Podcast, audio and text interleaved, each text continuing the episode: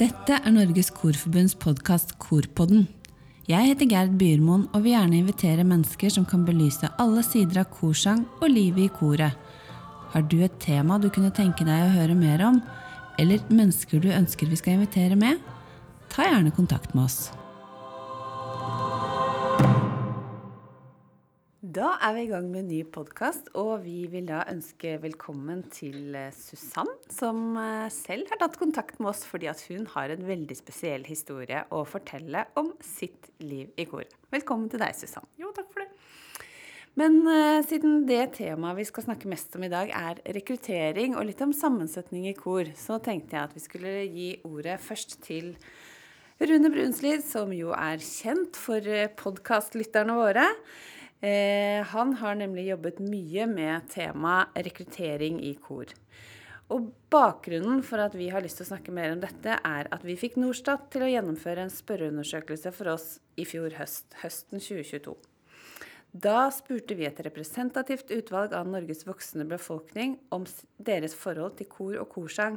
Og et veldig hyggelig og interessant funn var at 18% av de som ikke synger i kor i dag, kunne tenke seg å begynne med dette som en fritidsaktivitet.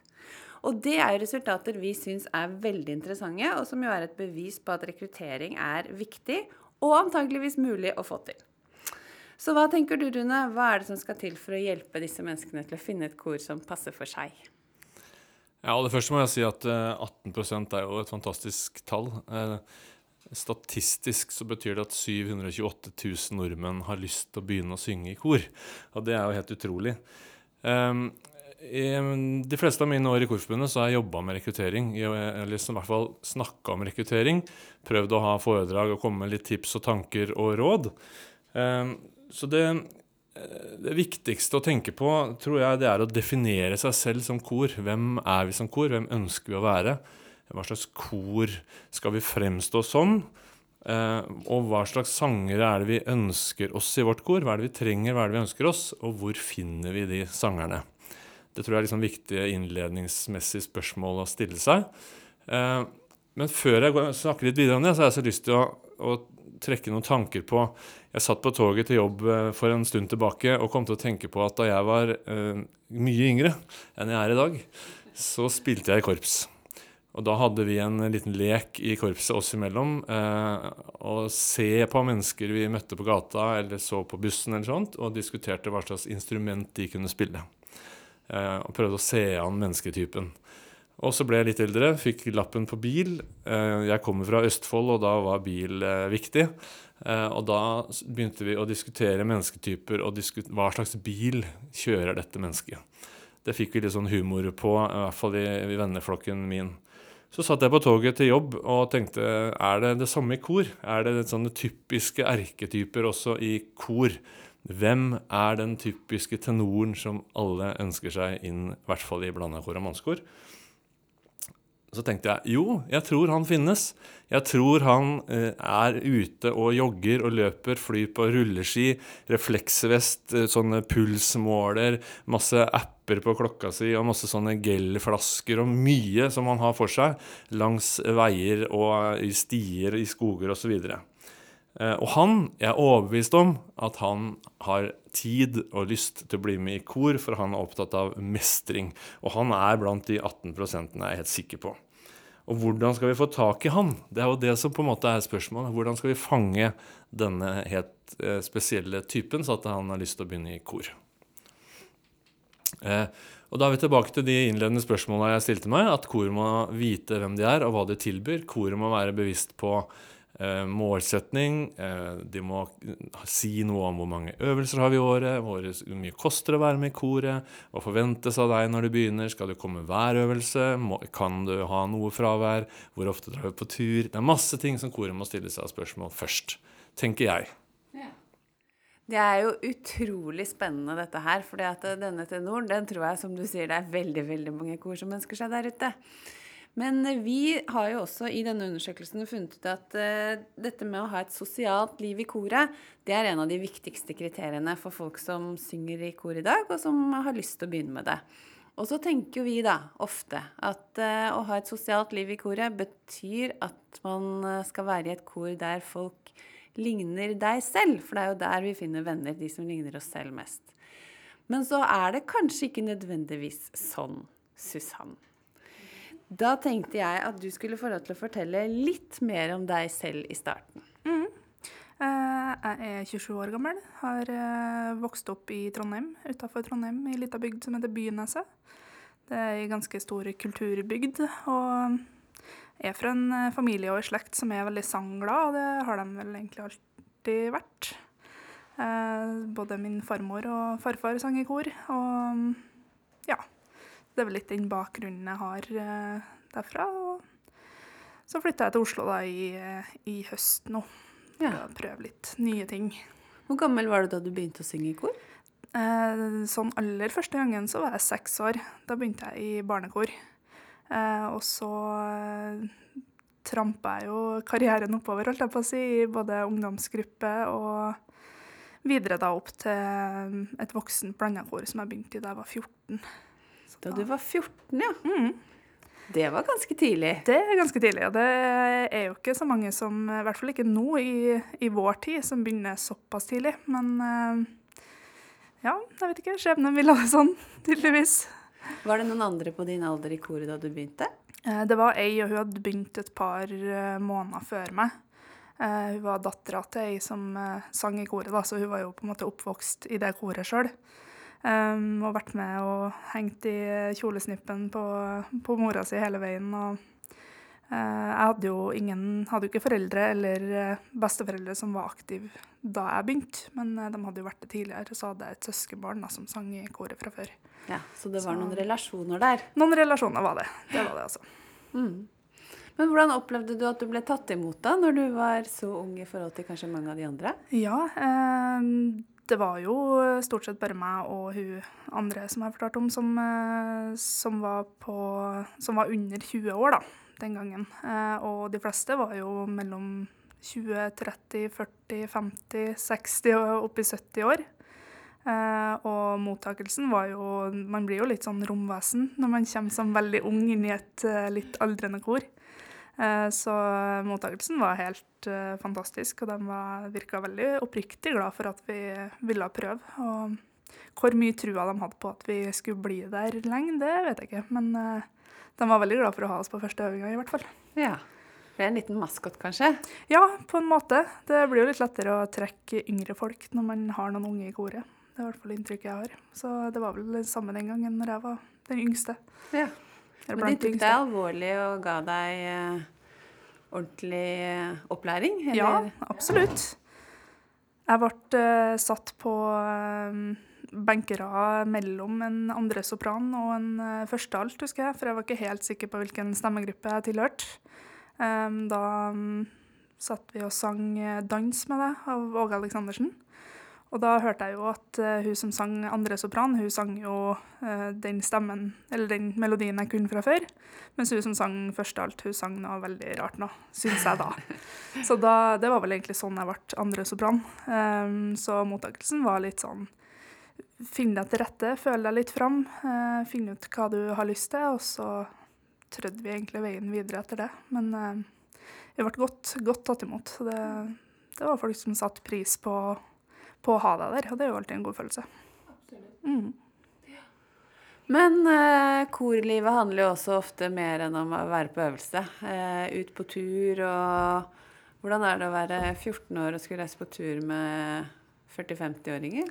Det var egentlig veldig, veldig gøy. Eh, Jeg er fra en familie med ei slekt som eh, er veldig aldersspredt også, så for meg så var det kanskje mer naturlig enn det ville ha vært for, for noen andre, på en måte. Men eh, det å dra på tur med de voksne, det, det var veldig trygt. Og det, det er jo gjerne litt sånn, var i hvert fall den gangen, at eh, når det er korturer og korgreier, så er det litt alkohol inne i bildet. Og da var vi jo på en måte beskytta litt fra det, men samtidig så ble vi jo inkludert og fikk lov til å være med og ha det artig innafor eh, trygghetens, trygghetens rammer, holdt jeg på å si.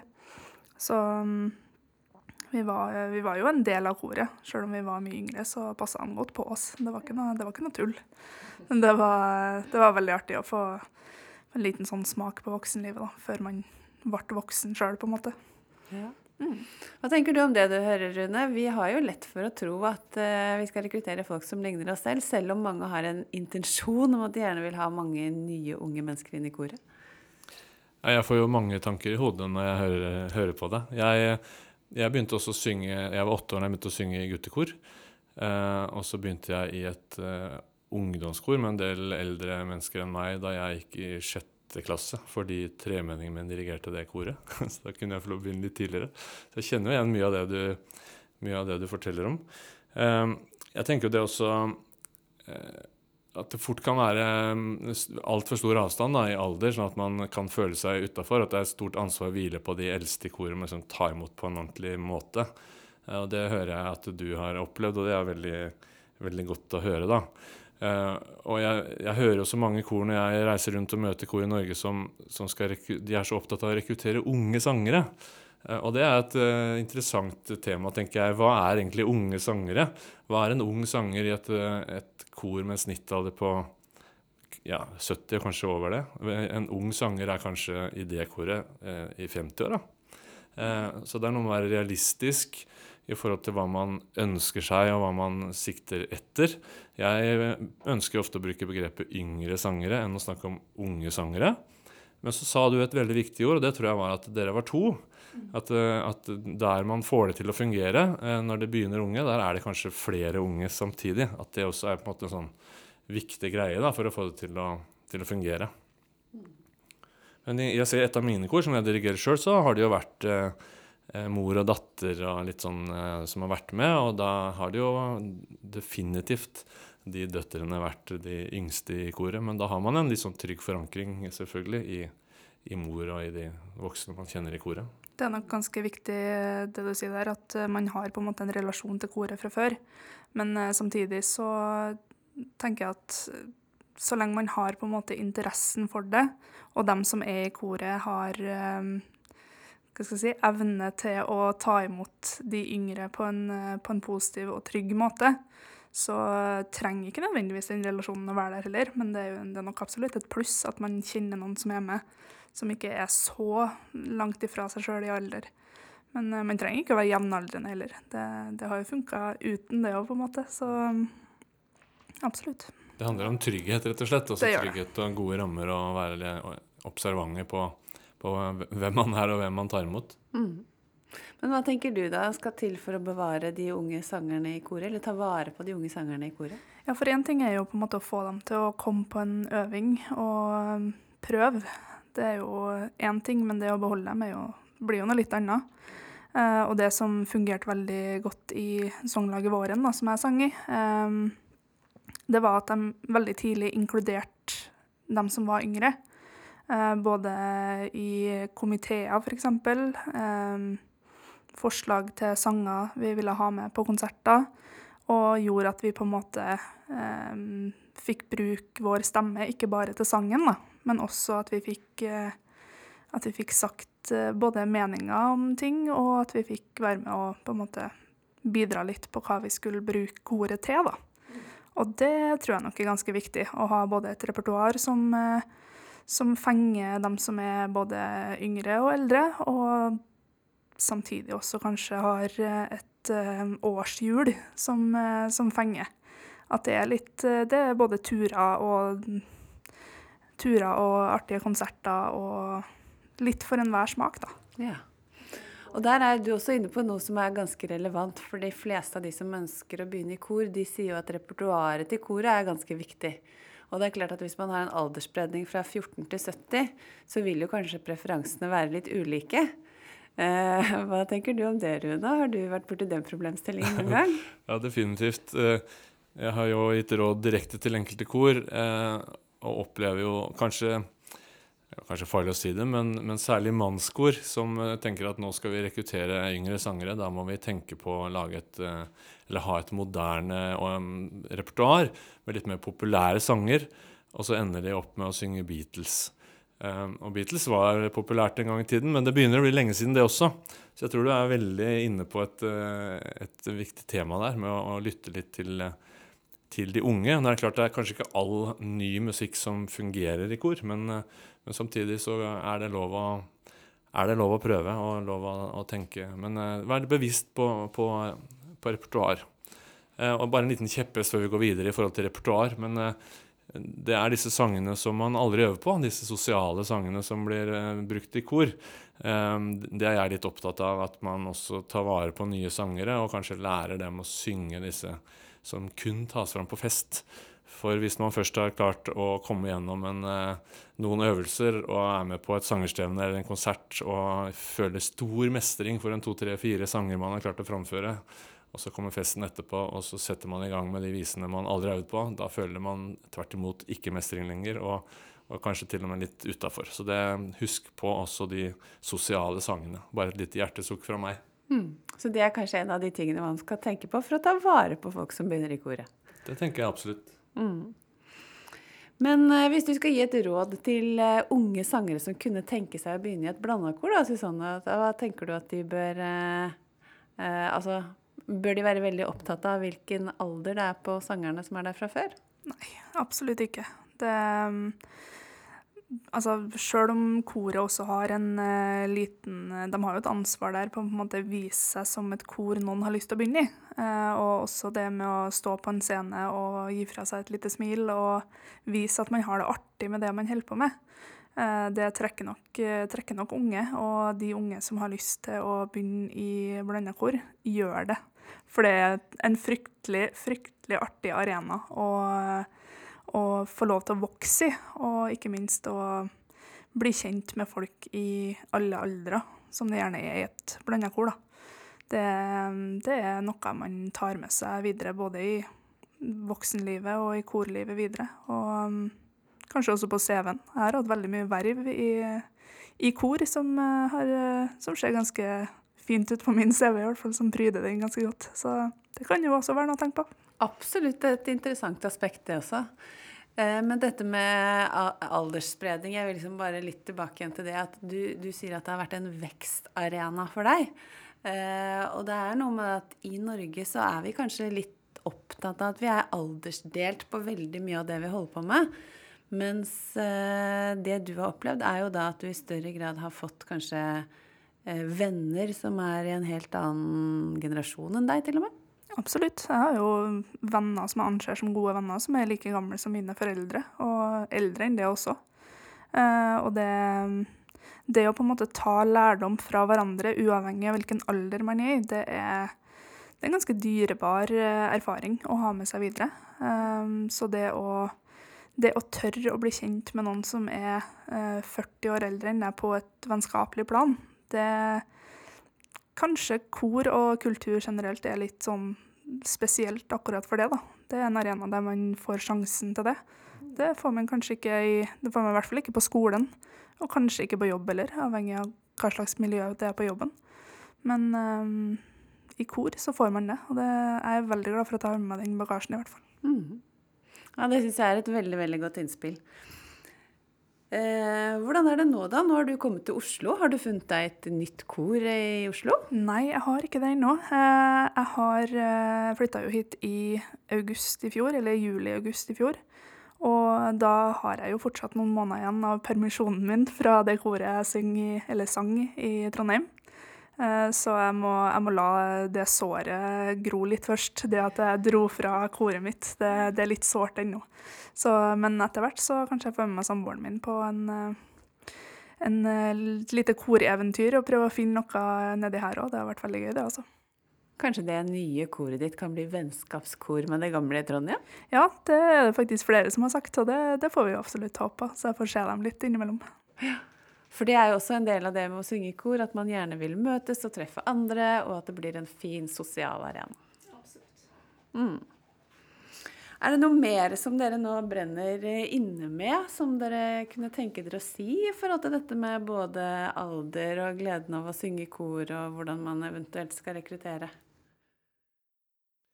Ja, jeg, tenk, jeg, jeg, tenkte litt på det jeg var så vidt innom i stad, dette med dette med å kjenne mestring, dette med å ha et sted å, å møtes, ha et fast punkt. Jeg tror det er mange sånne viktige eh, jeg kaller det helseeffekter, da. kanskje litt sånn slitt begrep. Men jeg tror det er veldig mange, mange ting ved det å bli med i et uh, kor. Eh, å være med i en gruppe og, og mestre, altså type å klare å gjennomføre en bra konsert og dele det med andre. Jeg tror det er så mange sånne sånne positive effekter da, som vi ikke tenker på, som vi kanskje ikke i kora heller er så flinke til å formidle i, som en del av rekrutteringstanken vår. Da. Så jeg har bare lyst til liksom, å, å, slå et slag for det også, og så tenke gjennom en del av de andre, som, de andre positive effektene også ved å være med i en uh, gruppe med andre. Det å finne et kor som du på en måte klarer å vokse i, da det at du klarer å på en måte gi mer av deg sjøl enn det du eh, trodde du kom til å gjøre, det er jo også kanskje en motivasjon uansett for å tørre å prøve seg i kor. Kor er ikke farlig. Det er det ganske mange som eh, kanskje bør ta med seg. Det, det, er bare gøy. Det er bare kos. Mm. Tusen takk for veldig fine innspill. Jeg tar i hvert fall med meg at eh, alder ikke nødvendigvis er noen hindring, og at Eh, det å være en del av et kor kan være et veldig fint sosialt fellesskap. Har du innspill til oss, så gå gjerne inn på Facebook-gruppa til Korpodden og gi oss ditt tips. Og likte du det du hørte i dag, så blir vi glad for en rating. Vi høres!